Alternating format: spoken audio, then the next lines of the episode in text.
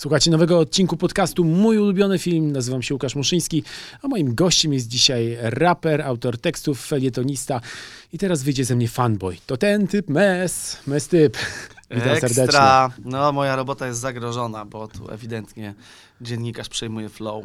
E, co najwyżej marnie kopiuje. Czy dobrze mi się wydaje, że tutaj w okolicy pracuje twój dobry przyjaciel i artystyczny partner in crime Emil Blew? Tak jest. Partner in crime, partner in rhyme. Emil Blew gdzieś tu zażywa y, z- zawodowych doświadczeń. Tak Ale nie się- wiem dokładnie gdzie. Tak mi się właśnie wydawało, że kiedyś go widziałem tutaj, jak wychodził z jakiejś firmy. Też wyszedł ze mnie fanboy. Już planowałem podejść i powiedzieć coś o nowym singlu Flexipu, ale zrezygnowałem. Stwierdziłem, że to będzie przypał. Nie, to żaden przypał. Byłoby mu bardzo miło, szczególnie człowiek jest y, raczej przepracowany niż y, leniwy. I ja też tu miałem epizod zawodowy, bo tutaj była siedziba pewnej telefonii komórkowej y, i, ona miała portal muzyczny. Ja byłem felietonistą tego portalu. A teraz jesteś felietonistą. I jak mnie zwolnili, to kazali mi tu przyjść. Na Mordor właśnie. Urocze miejsce. E, no właśnie, skoro, już mam ciebie i jest Blew, będzie płyta Flexipu, bo był singiel i on tak pojawił się. Nie, nie, na razie nic na to nie wskazuje, choć wszystkie yy, takie, takie punkty, które by trzeba odhaczyć, żeby zespół w moim odczuciu reaktywował się sensownie, właściwie odhaczyliśmy, dlatego że przede wszystkim pojawiła się potrzeba tworzenia sztuki, nie była to potrzeba spłaty raty kredytu, czy em, wiesz, jakiś kryzys wieku średniego, żeby kupić następny samochód, tylko najpierw pojawiła się potrzeba wspólnego wspólnej wypowiedzi artystycznej. Potem ruszyliśmy razem w trasę koncertową, także to nie byłoby wyssane z y, penisa. Natomiast na razie się to nie wydarzy. Po może, może solówka nowa nadchodzi. Dwa lata już zaraz stuknął od czasu premiery Rapper Sampler. Ale Rapper Sampler Plus, bo był taki dodatek Był, yy, z takim teledyskiem LA, mocno filmowym też, prawda. o czym warto wspomnieć w Filmwebie. Był i on był w, we wrześniu, albo nawet październiku roku 2018, więc do dwóch lat to jeszcze chwila. No ale to A poza tym też no, nie, nie jestem żadnym niewolnikiem kalendarza, dopóki nie mam potrzeby w sercu wypowiedzieć się, to nie robię na przykład, choćby nawet stuknęło i 7 lat, jak PZ-owi ostatnio na przykład, pomiędzy płytami, to też nie czułbym, e, że muszę to zrobić, skoro nie czułbym na przykład e, muzyki. A, ale bez obaw, będzie, będzie coś nowego. Doskonale. No to dzisiaj nie o muzyce, a bardziej o filmie, ponieważ e, hasłem przewodnim naszego podcastu jest e, powiedz mi, jaki jest twój ulubiony film, a dowiem się, kim jesteś. W tym przypadku serial, gdyż, ponieważ wybrałeś dzieło Rickiego Gervaisa. E, tak, jestem, jestem nieustannie zaangażowany w agitację społeczeństwa, jeżeli chodzi o zaznajamianie widzów mm, filmowych, różnych geeków i serialowych z twórczością Rickiego Gervaisa. I serial Extras jest w moim odczuciu najlepszym serialem, jaki kiedykolwiek powstał. Wiedzę tę posiadam już w roku 2006, kiedy odwiedziwszy matkę, moją rodzicielkę w śródmieściu Warszawy trafiłem na jakieś niekodowane pasmo, albo Kanal Plus, albo HBO. Takie były e, takie biedackie teasery, że e, Kanal Plus na przykład odblokowywał sygnał na, na dwie godzinki dziennie. E, no i spożywałem kolację i trafiłem na, na serial ledwie półgodzinny, który którego w ogóle twórców nie znałem z brytyjskim, z brytyjską telewizją, no też siłą rzeczy y, urodziwszy się w latach 80. nie miałem wielkiej styczności, jakieś alo alo i szczątkowe w ogóle y, brytyjskie rzeczy do mnie docierały. No i nagle serial Extras, zupełnie z przypadku, mm, na świeżo, w 2006 roku to widziałem i w 2006 ten, ten serial wyszedł. Olbrzymia, olbrzymia rzecz. Na zachętę mogę powiedzieć, że na taki pierwszy w ogóle strzał, że w każdym odcinku jest jakiś fame. Jest odcinek z Samuelem Jacksonem, jest odcinek z Kate Winslet, jest odcinek z Orlando Bloomem, dlatego że Rick Gervais, czyli wielki scenarzysta, wielki mm, stand-upowiec, wielki web do opowiadania historii, odpowiada również ze swoim partnerem in tekst Stevenem Merchantem za serial Office. Znacznie bardziej popularny. I znacznie bardziej gorzkim, tak mi się wydaje. Chociaż Tak, tak, Extras tak. też nie należą do najłatwiejszych doświadczeń. Zdecydowanie. I, I w związku z tym, że oni odnieśli ogromny sukces tym serialem Office, sprzedali go do Stanów. Artystycznie moim zdaniem nie miało to sensu, ale y, no, panowie stali się bardzo, bardzo wealthy w krótkim czasie. I, I, przez to, że stworzyli Office, mogli zadzwonić do Samuela Jacksona i powiedzieć: Słuchaj, mamy dla ciebie epizod mm, w brytyjskim serialu. To samo zrobili z Robertem De Niro. Mamy dla ciebie epizod w brytyjskim serialu półgodzinnym e, z pogranicza sitcomu i, i, i, i tragikomedii. I, I właśnie wszyscy wielcy aktorzy zgodzili się. E, bo wcześniej widzieli, widzieli The Office, który nie jest moim zdaniem tak genialny jak Extras, ale otworzył dwóm Anglikom totalnie znikąd drogę do, do wielkiego międzynarodowego sukcesu. Dzięki czemu Ricky Gervais między innymi pięć razy prowadził Złote Globy, za każdym razem wzbudzając spore kontrowersje. Ostatnio też również pojawiły się zarzuty, że z pewnych rzeczy nie wolno żartować po prostu. Też masz takie poczucie, że z pewnych rzeczy nie można żartować, czy raczej wszystko nadaje się jako temat do obśmiania? Wszystko nadaje się jako temat do obśmiania przez profesjonalnego mistrza obśmiewania. Jeżeli ktoś prezentuje yy, nędzne poczucie humoru, jeżeli jego żart opiera się na jakimś takim yy, rechocie, jak czasem ludzie mówią, że kiedyś to był humor, a teraz to jest tylko rechot. Ja absolutnie nie, nie należę do tej grupy ludzi. No jeżeli żart jest nędzny, to czy on będzie z tematu bezpiecznego, czy on będzie z tematu zagłady, czy on będzie z, żartował z, z społeczności LGBT, LGBT, czy on będzie żartował z dzieci. Mm, o ile nie pokazujesz ich palcami może, to bym, to bym coś takiego wprowadził właśnie. Czy wolno żartować z dzieci? No właśnie, wolno? Kurde, nie wiem. Ostatnio miałem właśnie taką etyczną rozkminę, kiedy trafiłem do Rosji i trafiłem do cyrku. Stwierdziliśmy, że pójdziemy do ruskiego cyrku, bo co może być dziwniejszego niż w małym podmoskiewskim miasteczku, bodajże to było w Waskresieńsku czy w Kołomnej, cyrk taki z namiotem. No to poszliśmy, kupiliśmy wielką WD-07 na cztery osoby, siedzieliśmy sobie w tym cyrku i właśnie był tam taki clown Bingo. Clown Bingo był kompletnie nieśmiesznym, agresywnym dresiarzem. Wydawało mi się, nam się wydawało, że też pijanym. Nawet po alkoholu było nieśmieszne, nie? Nie, był absolutnie nieśmiesznym clownem Bingo. Yy, clown Biengo pokazał na jakieś biedne rybionko siedmioletnie z publiczności, wywołał je i obśmiewał się z tego dziecka na oczach całego cyrku, pewnie z 800 osób. Ojciec tego dziecka był zachwycony.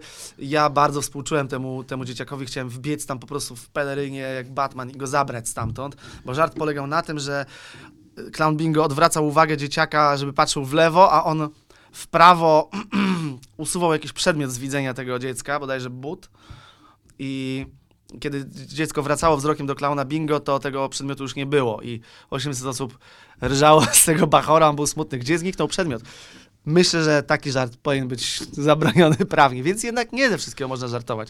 Natomiast Rick Gervais, ym, no to jest wielki, wielki intelekt i jeżeli on z czegoś żartuje, to nie po to, żeby krzywdzić ludzi na pewno. No właśnie, ale masz takie poczucie, że nie wszystko już można powiedzieć. I trzeba się na przykład dwa razy dobrze zastanowić, kiedy na przykład się wrzuca jakiś post na media społecznościowe, bo można potem znaleźć się na celowniku policji poprawności. Że w Europie to jeszcze jest, nie, jest, nie jest takim problemem jak w Stanach. z moich takich e, street antropologia, oczywiście zabrzmi jak człowiek, który się strasznie mądrze, ale nie dbam o to, bo opieram swoje obserwacje na, na doświadczenia na podróżowaniu. Każdy muzyk raczej sporo podróżuje. Jak e, Państwa interesuje ta opinia, to właśnie ją wyrażę, jak nie to proszę przełączyć. Amerykanie nie umieją w ogóle w lewicowe myślenie. Oni mają tak bardzo zaburzone postrzeganie jakiegokolwiek lewicowego myślenia, że im się to po prostu w kapitalistycznych głowach nie mieści. I im przepalają się styki, kiedy coś ma być lewicowe. W ogóle w to nie umieją. Są pozbawieni jakichkolwiek narzędzi do chłonięcia lewicowej wiedzy. Dla nich lewicowość to jest przede wszystkim kwestie genderowe, kwestie rasowe. Yy, a na ostatnim miejscu jest na przykład Państwowa Służba Zdrowia. Oni nie za bardzo chcą mieć bezpłatną służbę zdrowia, natomiast strasznie chcą wojować o prawa kobiet, prawa mniejszości i strasznie są czuli, yy, jeżeli chodzi o te żarty. Natomiast jeżeli ja na przykład z Amerykaninem rozmawiam i toczę yy, niemiłosiernie twardą i, i dębową beczkę z tego, że mają beznadziejne kształcenie publiczne i beznadziejną służbę zdrowia, i to naprawdę beznadziejną, to oni nie rozumieją, że ja właśnie im cisnę po takich lewicowych rzeczach, którymi powinni się zająć. Także to jest duży problem w Stanach. W Europie na szczęście jeszcze trochę mamy swój rozum i potrafimy się różnić. Gervais ma bardzo okrutne poczucie humoru, ale jednocześnie też ma dosyć okrutne, może realistyczne po prostu podejście do życia. Jak to ostatnio ujął na Złotych Globach, na pewno nie będzie sequela, jak już umrzemy i czy jakby... Powiedzmy, ten Tak. jego egzystencjalne, no właśnie, myślenie w jakiś sposób jest ci bliskie. Jest świat mi, jest ponurym Jest mi bardzo bliskie. Jest y, osobny odcinek, który jest poświęcony wierze cokolwiek, jakiejkolwiek w sumie formie religii w ekstras. Z Kate Winslet. z Kate Winslet. E, to nie będzie spoilerem, kiedy powiem, że y, Kate Winslet żartuje sobie w trakcie tego odcinka, że ona gra w filmie dotyczącym zagłady, bo w sumie to gwarantuje Oscara i że nie nie jest tak jakoś bardzo wczuta w, w temat y, losu Żydów, tylko po prostu chce wreszcie zdobyć Oscara. Mówi to Jaran Szlugaj bardzo przeklinając. I co zabawne, dostała tego Oscara grając niedługo po tym filmie o Niedługo Holokauście. dostała Oscara za film o Holokauście, także no meta, meta geniusz Rickiego Gervaisa objawił się wtedy, ale też y, kiedy, kiedy y, kontaktowałem się z wami z Filmwebem a propos tego ulubionego filmu, który ma być tematem naszej rozmowy i ja y, w ciemno powiedziałem, że będzie chodziło o serial, przypomniałem sobie też film Rickiego Gervaisa, który zyskał szeroką dystrybucję y, niedawno w, na, na, na popularnej platformie na N. Było sobie kłamstwo, czyli Invention of Lying i to jest kolejny dla mnie wielki, wielki dowód, mocny dowód geniuszu Rickiego Gervaisa. To jest komedia romantyczna, która jest właściwie traktatem filozoficznym, która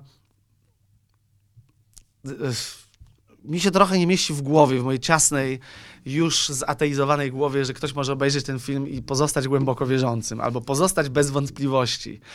Niesamowite, że udało się w tak głupi gatunek jak komedia romantyczna wprowadzić konia trojańskiego spraw fundamentalnych. Oto obserwujemy świat, świat fantastyczny, który wyjaśnia to zresztą główny bohater na samym początku.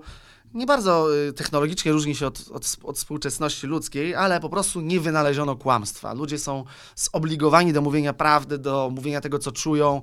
y, Nie potrafią ściemniać, koloryzować. y, Po prostu mówią jak jest, mówią co czują, bo nikt nie wynalazł kłamstwa. No i jak wskazuje tytuł, y, kłamstwo zostanie wynalezione w tym filmie. Odniesienia do religii zaczynają się już właściwie na samym początku. Jest tam wiele bardzo mocnych odniesień. O ile nie jestem fanem symbolizmu gdziekolwiek w sztuce, bo to moim zdaniem jakoś zwalnia artystę w ogóle z wyrażenia siebie y, i z kolei daje zbyt duże kompetencje tym ludziom, którzy wymyślają w CSW podpisy pod dwoma patyczkami, które na sobie leżą. Mm, Nie, nie jestem fanem symbolizmu, to jednak dostrzegam symbolizm już, już w pierwszych scenach.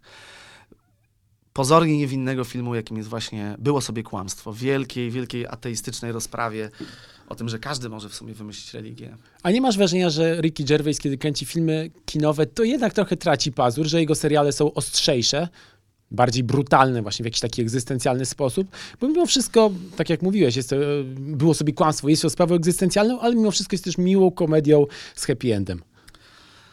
Zgadza się. Mm, Natomiast biorąc pod uwagę y, podwójne moralne standardy, jakie rządzą Hollywood i tym, że pewne rzeczy można pokazywać, em, zawsze zobaczysz dz- dziesiątki y, nagich elementów, bardzo rzadko zobaczysz y, prącie. Nie to, żebym jakoś potrzebował tego w życiu, ale no jest, jest mnóstwo podwójnych standardów. Widzisz niesamowicie dużo przemocy, ale z drugiej strony jest dobry Bóg, który nad nami wszystkimi czuwa i in God we trust jak na dolarze. To, że udało się przemyśleć cokolwiek ateistycznego do hollywoodzkiego filmu z Jennifer Garner, ona się nazywa? Zgadza się. Była Bena Afflecka. Tak, bardzo dziwna twarz. Jest to, jest to kobieta piękna, a jest to definicja kobiety nie w moim typie. Boję się jej szczęki, bo tak naprawdę zazdroszczę jej tej szczęki. Ma pięknie zarysowaną szczękę, yy, a ja mam takiego ziemniaka po prostu, a Jennifer ma szczenę po prostu wow. I właśnie boję się jej szczęki. Yy, ale świetnie, świetnie zagrała no, głupiutką Amerykankę. Pytanie, czy musiała się starać, czy korzystała z własnych zasobów. Yy, to wiel, wielka rzecz, zrobić komedię romantyczną yy, z elementami ateizmu No i plejada gwiazd też. Ricky Gervais nie zapomniał o swoich ziomkach. Jest Co Louis chwila ktoś się tam pojawia. jest Louis C.K., który również e, no, mocno jest z tej, z tej niewierzącej strony stand-upu. Jest e, nawet policjanta gra Edward Norton. Ed Norton. E, To też nie będzie wielki spoiler, bo to jest je- jedna osiemdziesiąta tych grzybów w barszczu. Ed Norton gra przez sekundę dosłownie policjanta, który nie jest w stanie kłamać, jak wszyscy w filmie Invention of Lying i mówi, że łapówka u niego za puszczenie wolno kosztuje, wynosi około 5 tysięcy dolarów i że kierowca mówi, że to bardzo dużo. On mówi, że ma bardzo, bardzo expensive cocaine habit i po prostu musi skądś opłacać ten swój, ten swój nauk i jak ja to mówię, to spłycam, to przepraszam teraz z tego miejsca Rickiego Gervaisa, ale z drugiej strony jestem taką grupi Rickiego Gervaisa, że mogę psuć jego żarty, bo kiedyś poleciałem do Oslo tylko i wyłącznie na jego stand-up i wróciłem. A to było w czasach, kiedy hamburger za 62 zł był dla mnie jednak sporym ciosem.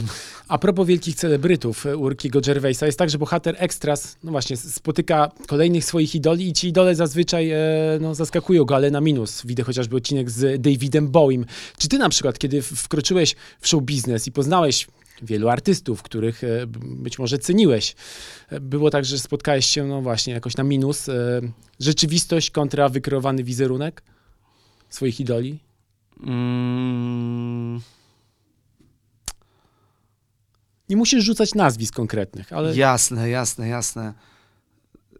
Zdaje mi się, że nie, dlatego że żeby ktoś został moim idolem, to już musiał mieć coś na pagonach. To nie jest tak, że ja mam taką mentalność dziennikarza muzycznego, który goni za nowością i trochę mnie to bawi, jak ludzie do mnie roz...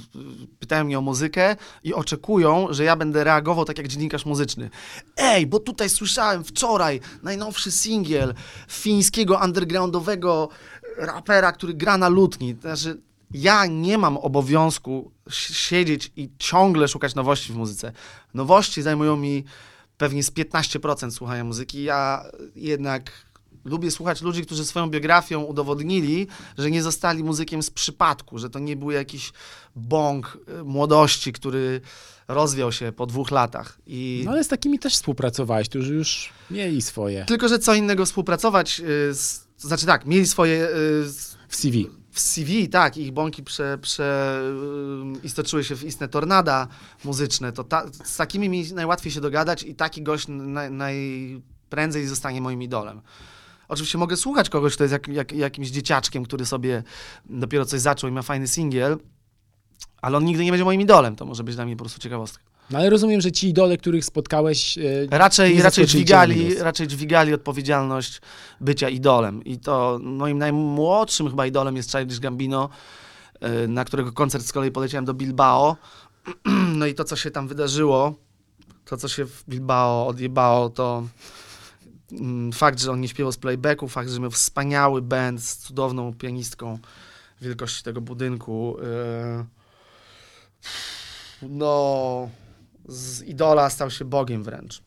dużo będzie rymów, widzę w trakcie dzisiejszego A odcinka. nie, to, to przepraszam. I soczystych porównań.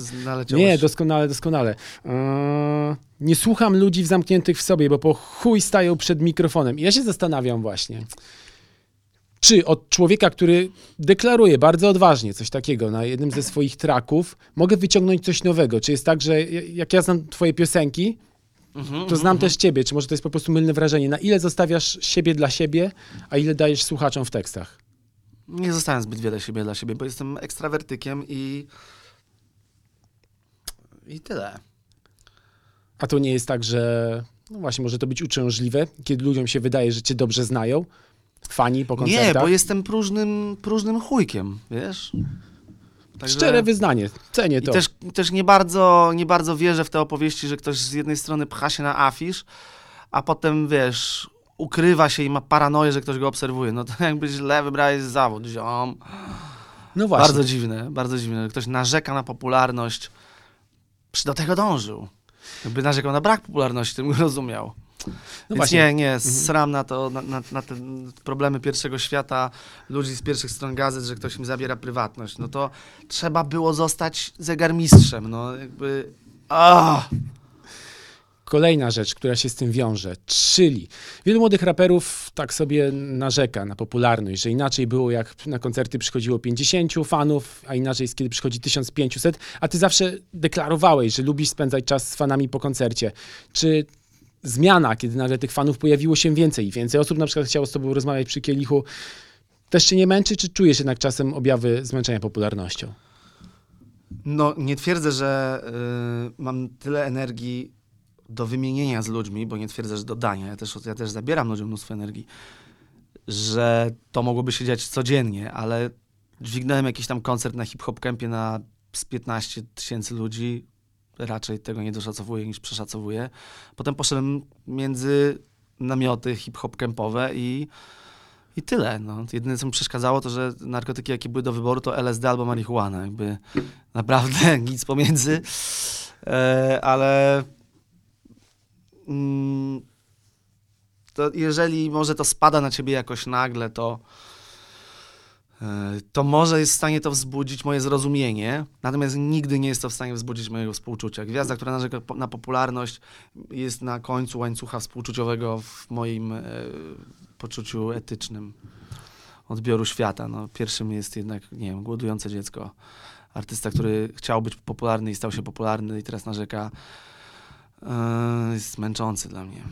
A jak sobie... Nic nie wnosi. A co sobie myślisz w takim razie, kiedy patrzysz na artystów, nie chciałbym używać tego określenia, nam wykonawców muzyki, którzy odnoszą sukces, zdobywają sławę po jednym utworze, podczas kiedy to ty wdrapywałeś razem ze swoim pokoleniem raperów bardzo powolnie, żeby zdobywać ten rap, e, street cred i tak dalej, wśród zarówno słuchaczy, e, jak i artystów.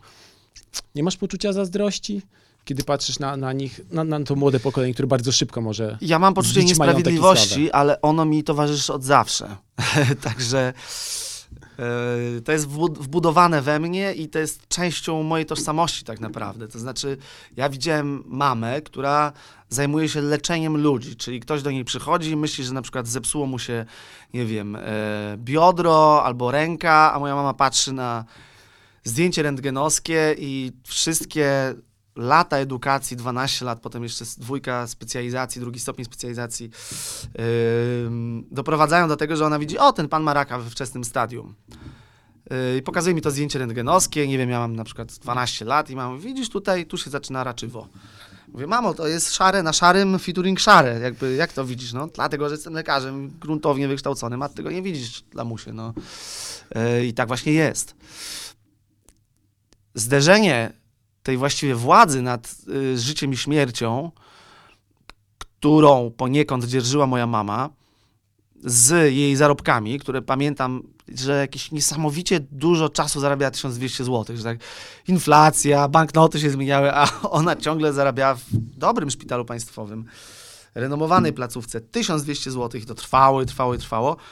I w żadnym momencie to nie wjechało mojej mamie na, nie wiem, chęć przekwalifikowania się, albo że zaczęła rzadziej przychodzić do roboty i, nie wiem, rozpiła się. Ona cały czas kochała powód swojej pracy. A to, w jakich czasach przyszło jej wykonywać tę robotę, to było po prostu drugorzędne. Więc y, u mnie to poczucie niesprawiedliwości oczywiście jest, ale czasy się zmieniają. Teraz są czasy takie, że młody raper musi mierzyć z miliardem innych raperów, którzy mają dostęp do samowydawania się. Y, można powiedzieć, że ja pochodzę z bardziej komfortowych czasów. Oczywiście również było miliard raperów, z czego 999 milionów 999 tysięcy 900 e, sepleniących e, analfabetów, grafomanów, mm, ale oni przechodzili jakąś weryfikację wytwórni.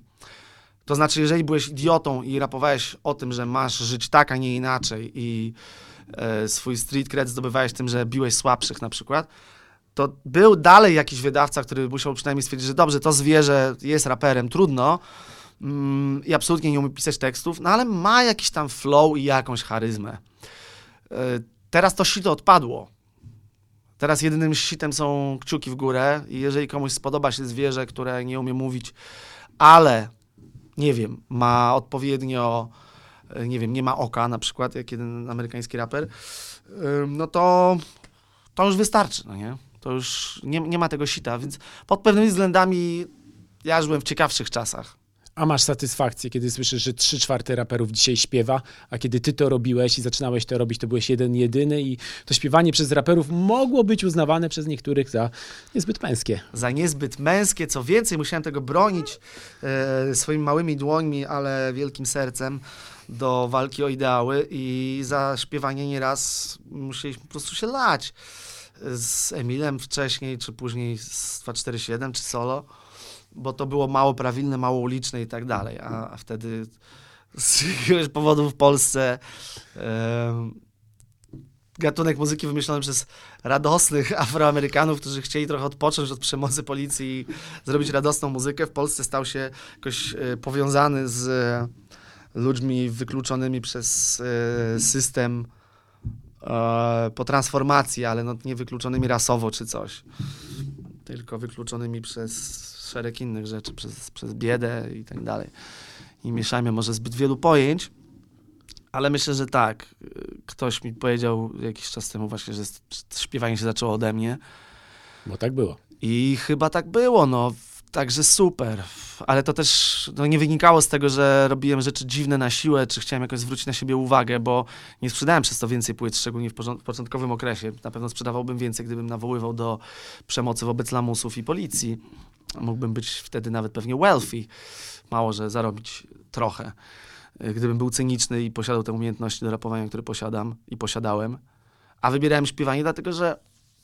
Yy że się szybko nudzę po prostu, więc już wyrapowałem, mm, wiesz, 12 piosenek spokojnym głosem, potrzebowałem wyrapować kolejnych 12 głosem podniesionym, no i już masz spokojny podniesione na pagonach, zaczynasz robić z tego 50 piosenek, no i co, będziesz za chwilę miał 100 piosenek na pagonach, których rapujesz w ten sam sposób, no że nada, nie? Może przestań rapować, skoro nie masz nic nowego do zaprezentowania, no.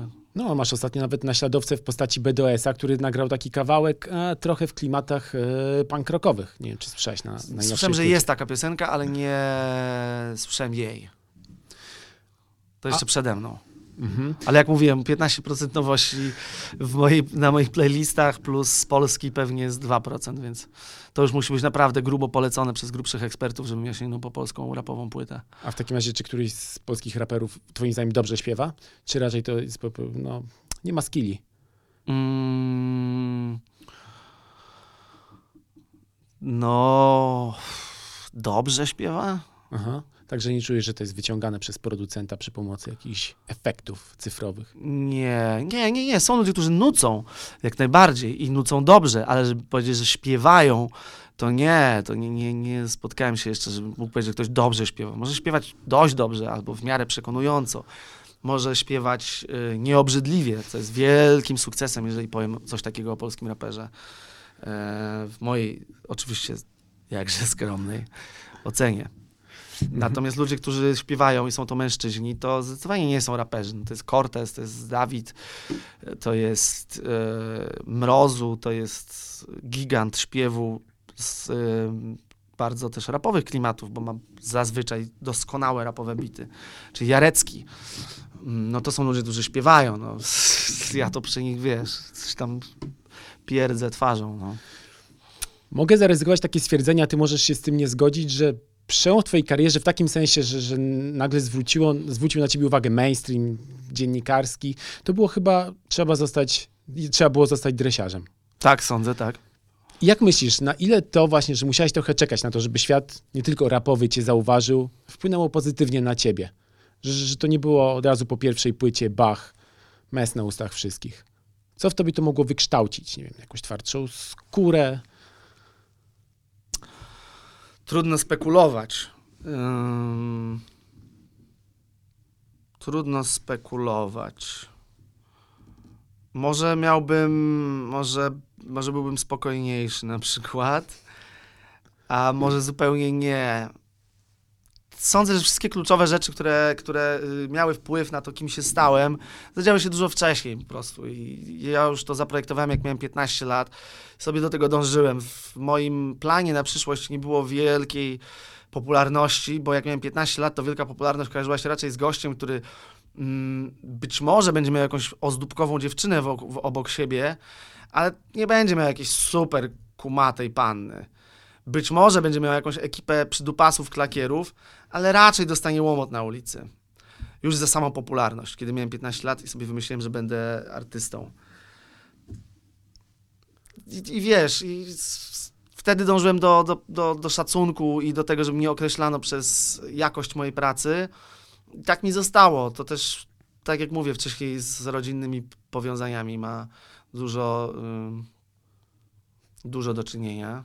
Y, takie są korzenie, więc później to zmienić nie było już tak łatwo. Widziałem na przykład Fisza czy Ostrego, którzy od, od pierwszego rymu zostali pupilami mediów, y, w dodatku z jednej wytwórni.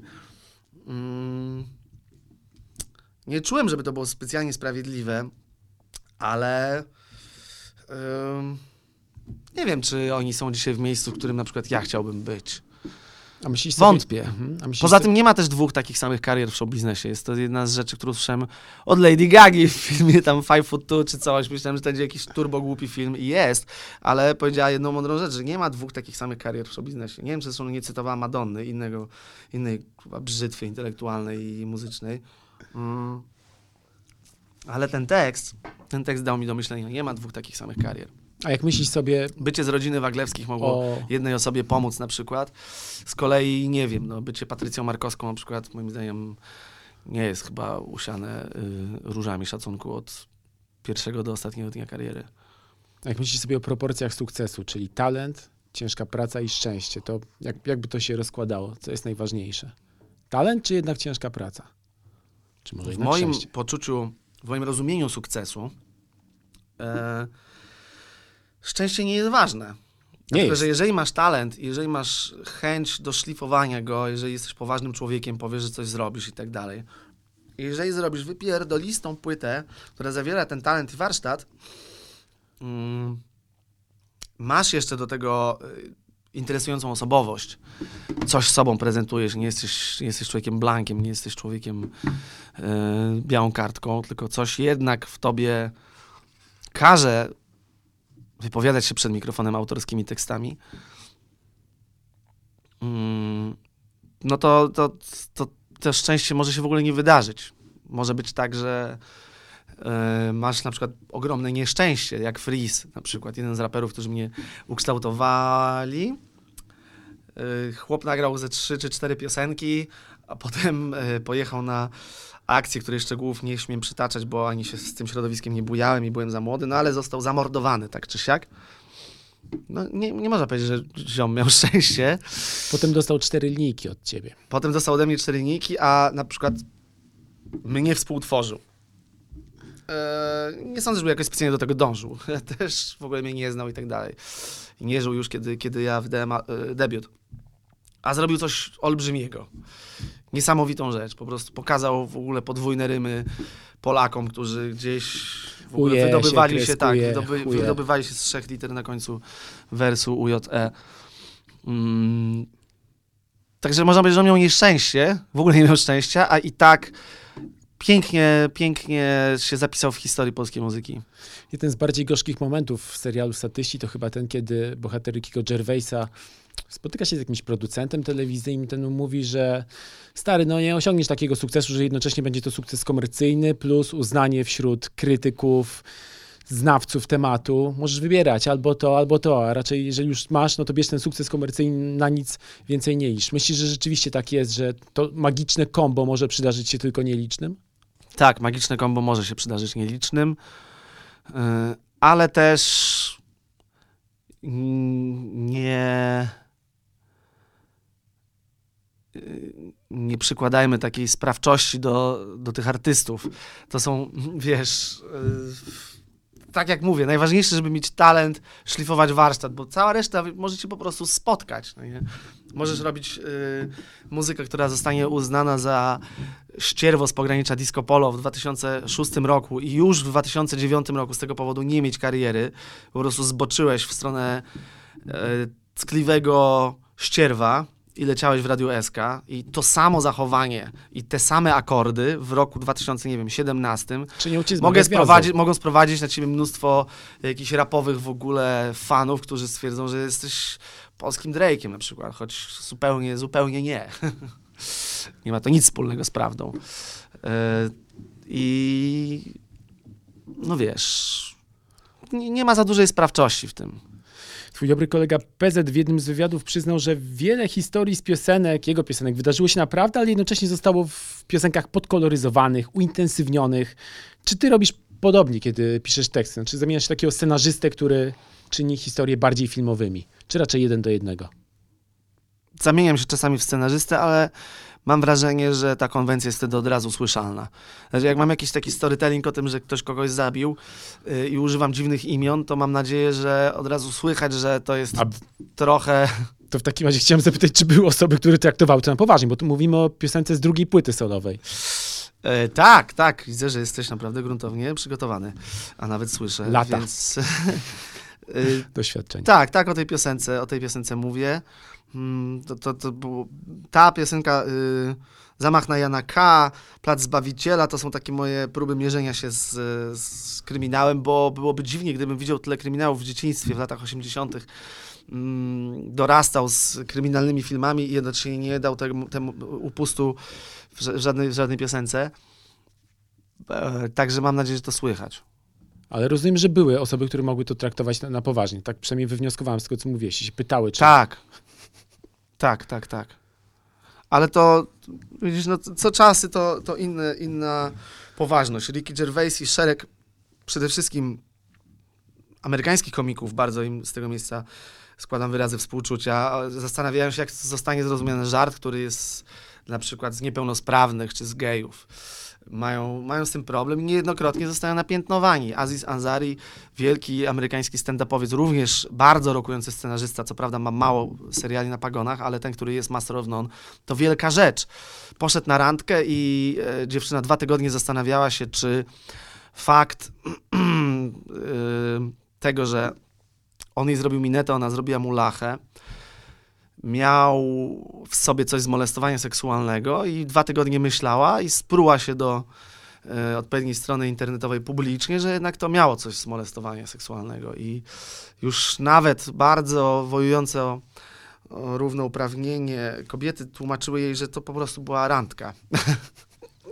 No, To była randka. Yy, I nic to nie dało. Aziz Ansari zawiesił karierę na mniej więcej rok, a stand-up, który wyszedł później, był tak ostrożnie prowadzony, zresztą polecam, bo to jest w ogóle jakieś mistrzostwo os- ostrożności. Mm, No niemalże zniszczyła człowieka, także em, nie pamiętam, o czym mówiłem. Ja wiem za to, o co chciałem cię zapytać. E, O to, że ostatnio czytałem w Newsweeku, właściwie to nie jest pytanie, tylko stwierdzenie, czytałem ostatnio w Newsweeku taki artykuł, że pojawiają się głosy, że stand-up w ogóle nie musi być zabawny, że on ma być szczery, można powiedzieć o swoich doświadczeniach, kiedy było się jakimś dzieckiem biednych imigrantów i krok po kroku wdrapywało się po drabinie społecznej i to jest nie, to chyba dobre. jakiś coaching. To jest Nie. wtedy jakiś TED Talk. To nie jest wtedy stand-up. No jednak stand-up myślę, że powinien bawić się za hajs wydany na bilet. A masz wrażenie, że z wiekiem łagodniejesz jako tekściarz? Nie. Jesteś równie jadowity? Nie, to bardzo zależy od okresu. A Czy- teraz jesteś bardziej jadowity czy mniej? Teraz myślę, że bardziej. Rapper Sampler był y, płytą, którą robiłem podczas remontu mieszkania i To potrafi bardzo dużo agresji, tak. To wiedzą, wiedzą moi wrogowie, którzy wtedy spotkali mnie na mieście, że rozmowa ze mną była jakby krótsza. To wiedzą ludzie, którzy słyszeli płytę Rapper Sampler. Mało jest tam takich chillowych rzeczy. I to dlatego, że był remont po prostu. Ja nie byłem w stanie zrozumieć y, tej oseskowatości ekip. Ja w życiu, w życiu w ten sposób nie przepracowałem dnia, żeby być takim luzakiem, jak ludzie, którzy mówią, że coś zrobią na przykład w ciągu tygodnia, a potem mało, że nie robią tego w ciągu tygodnia, po prostu biorą inne zlecenie, biorą budowę, bo tak. I już nie przychodzą na twoją budowę. Ciekawe doświadczenie, więc No, w zeszłym roku zależy. W zeszłym roku robiłem remont pokoju córki, wchodzę do domu, a tam mój e, pan siedzi sobie, rozparty na kanapie, ogląda TVN24, zajadając paprykarz. Jakoś niespecjalnie się przejął tym, że wszedłem. Przywitał mnie. Trafiłeś na Chyba przerwę, czekał. no. A że akurat płatną za twój hajs. Tak, chyba czekał, aż po prostu dołączę do niego, jeszcze może wyciągnę coś e, z lodówki. Są No linijki. to jest polski, wiesz, Mhm. polski, polska dzikość. No tu się, tu się etos protestancki nie przyjął prawie. Mo, można było reformację w Polsce wprowadzić, ale tutaj etos, że praca wysokiej jakości prowadzi do bogactwa i szczęścia, to, to nie. Ale ja też bardzo lubię tę naszą wschodniość i mm, gdyby to wszystko było tak po niemiecku, to też byłoby dużo bardziej nudno, no. Panie Schmidt. Tak, to E. z Austrii akurat, ale wiadomo, jak powiedział mój przyjaciel, coś tam gadaliśmy o naszych korzeniach i o tej prababci z Wiednia, a on siedzi tak, to jest, tacy jesteśmy pijani mocno i, i to mój przyjaciel, więc może pozwolić na takie rzeczy. Austria, co za syf. Nie dość, że naziści, to jeszcze katolicy. to jest wszystko w temacie Austrii, także pozdro prababcia. A są jakieś linijki, których żałujesz, że wypuściłeś w obieg? Których byś dzisiaj nie napisał?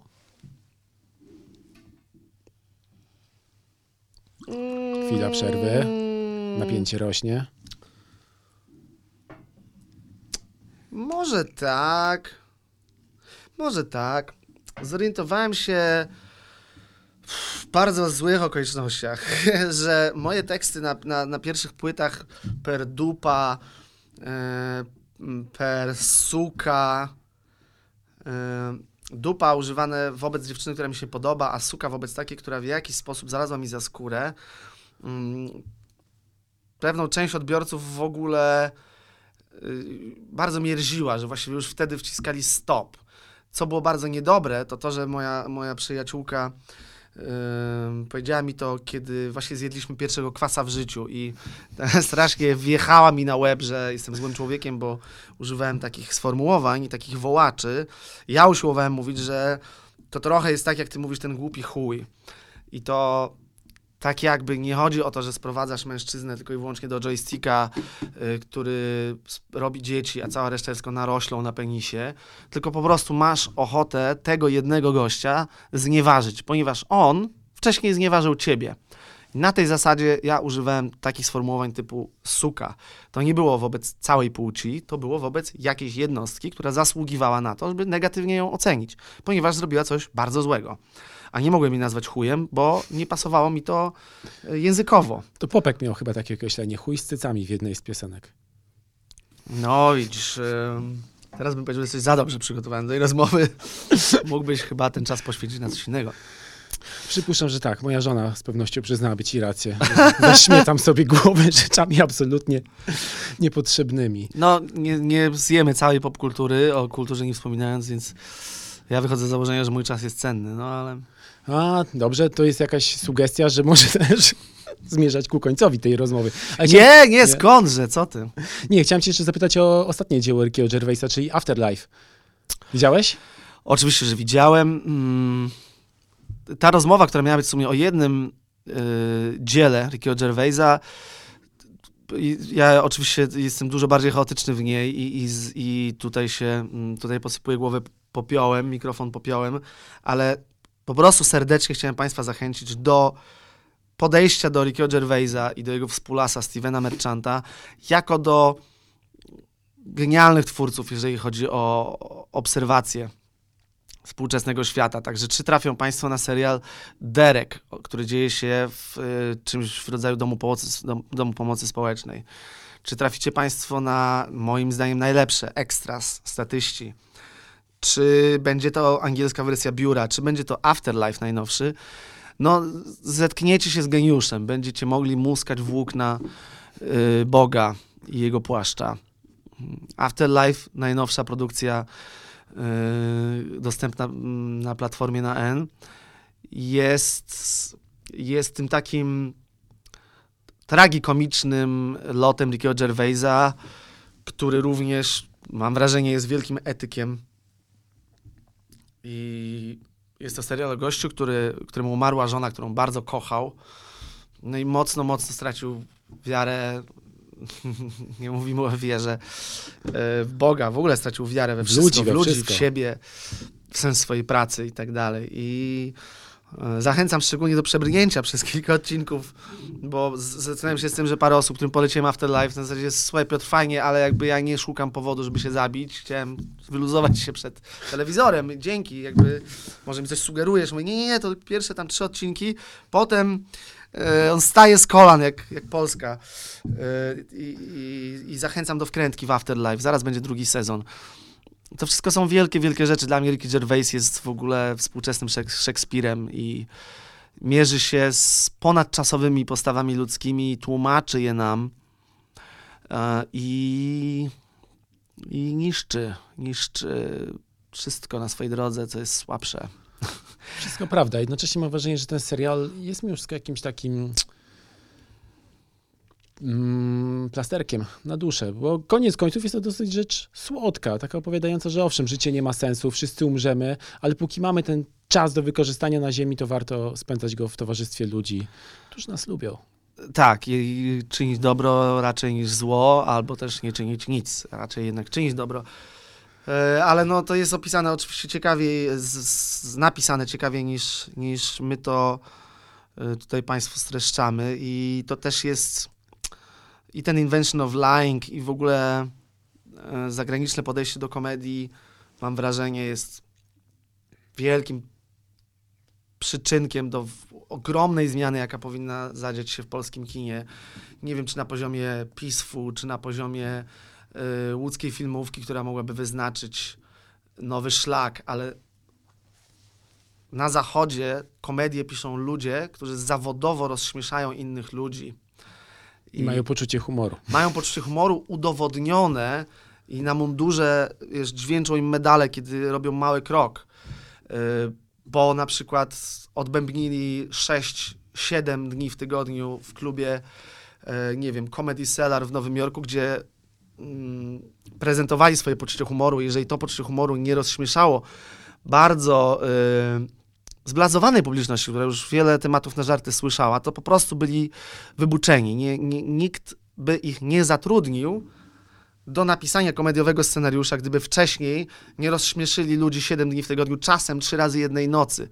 I ten gigantyczny profesjonalizm Hollywoodu, który często, szczególnie w ostatnich latach, zbiera tylko i wyłącznie y, zjeby za to, że jest y, rasistowski, homofobiczny, antykobiecy i tak dalej, i tak dalej. Wielką, wielkim osiągnięciem Hollywoodu jako tej uruchomionej przez Żydów sprawnej maszyny do, do rozrywki jest profesjonalizm. Nikt nie da do napisania komedii gościowi, który po prostu nie, nikogo, nikogo nie śmieszy. W Polsce korzysta się z jakichś scenariuszy, jakichś pomysłów na film. Mam wrażenie, że pierwszy jest ten pomysł, potem pojawia się obsada, która musi być oczywiście gwiazdorska i tak dalej. Nieważne, że gość jest z drewna zrobiony, panna jest zrobiona ze styropianu i w ogóle nie są śmieszni. Nigdy nie byli śmieszni nawet minuty. Może byli seksowni, może byli dramatyczni, może... a nigdy nie byli śmieszni. Gdzieś na końcu dba się o dialogi. Że to w ogóle powinno być systemowo gdzie indziej powinna zaczynać się komedia. Komedia powinna mieć źródło w zajebistym stand-upie. I tą jakże mądrą radą kończymy kolejny odcinek podcastu. Nie jest rada, to jest film. nakaz. Ten nakaz pochodził od e, Piotra Schmidta alias tego typa Mesa. Dzięki bardzo. Dziękuję bardzo. Do usłyszenia.